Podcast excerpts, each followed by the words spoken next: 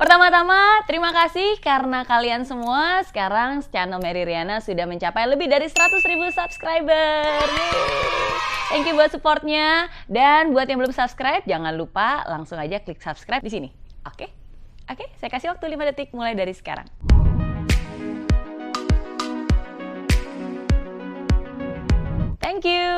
Pernah dengar istilah zaman now? Nah, sekarang pertanyaannya gimana sih caranya supaya bisa menjadi karyawan zaman now? Ada tiga hal yang kamu harus lakukan. Yang pertama itu adalah harus kepo, kembangkan potensi. Kamu harus bisa mengupgrade diri. Potensi itu bukan hanya harus dikenali, tapi juga dikembangkan.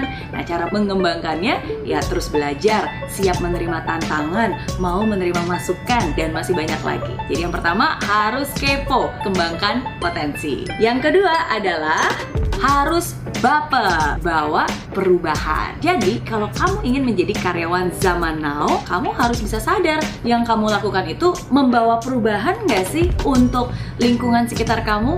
Nah, jangan sampai kamu masuk ke kantor, kamu pulang ke kantor, kamu kerja bertahun-tahun, sebenarnya nggak ada perubahan sama sekali. Jadi, harus bawa perubahan ke arah positif dan membawa dampak positif. Dan saya yakin kalau kamu terus-menerus memberikan value dan memberikan dampak positif di dalam lingkungan kerja kamu, pasti value atau nilai kamu pun juga akan bertambah. Yang ketiga, harus selalu utang. Utang yang saya maksud ini adalah selalu unggul dan tangguh. Artinya kamu harus punya sifat mindset seorang pemenang. Kalau mengerjakan sesuatu, lakukan dengan sungguh-sungguh, berikan yang sepenuhnya dan selalu mau unggul di setiap keadaan apa pun juga. Dalam arti yang positif ya. Dalam arti selalu memberikan yang terbaik dan selalu mengharapkan yang terbaik.